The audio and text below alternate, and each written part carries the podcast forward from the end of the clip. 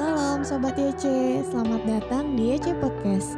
Podcastnya Anak YC Selamat mendengarkan.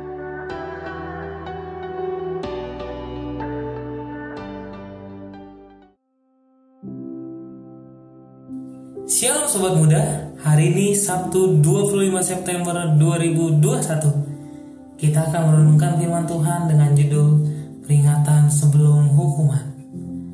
Bacaan renungannya Amos 3 ayat 1 sampai 8 Kebanyakan manusia tidak siap menerima konsep keadilan Allah Kita lebih suka Allah mengasihi daripada Allah menghukum Padahal keadilan dan penghukuman Allah tidak dapat dipisahkan dari kasihnya.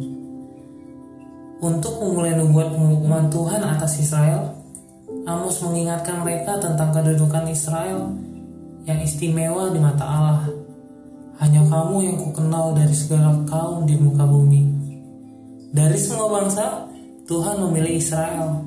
Namun, berulang kali bangsa ini menyakiti hatinya mereka melanggar janji dengan tidak lagi berjalan bersama Allah. Mereka layak dihukum. Tetapi, sebelum menjatuhkan hukuman, Tuhan memastikan bahwa mereka menyadari kesalahannya. Mereka harus merenung atas perumpamaan-perumpamaan yang diberikan. Ada satu kesamaan di dalam perumpamaan-perumpamaan tersebut, yaitu semuanya mengandung hukuman sebab akibat. Tidak ada yang acak.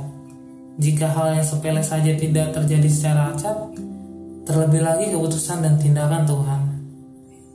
Mustahil terjadi malapetaka jika Tuhan tidak mengizinkannya.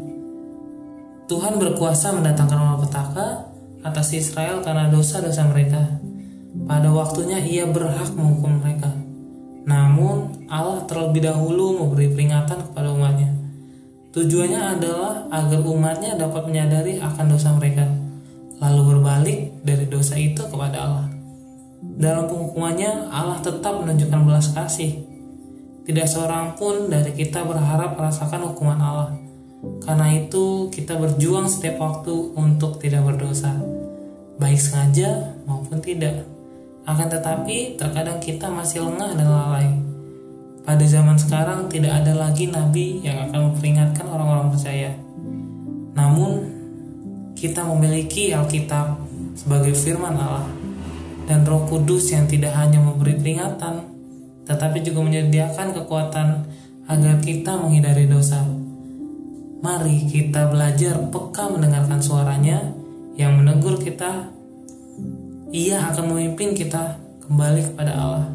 Melalui karyanya, keadilan dan kasih Allah dinyatakan pada kita. Selamat merenungkan sobat. Tuhan Yesus memberkati.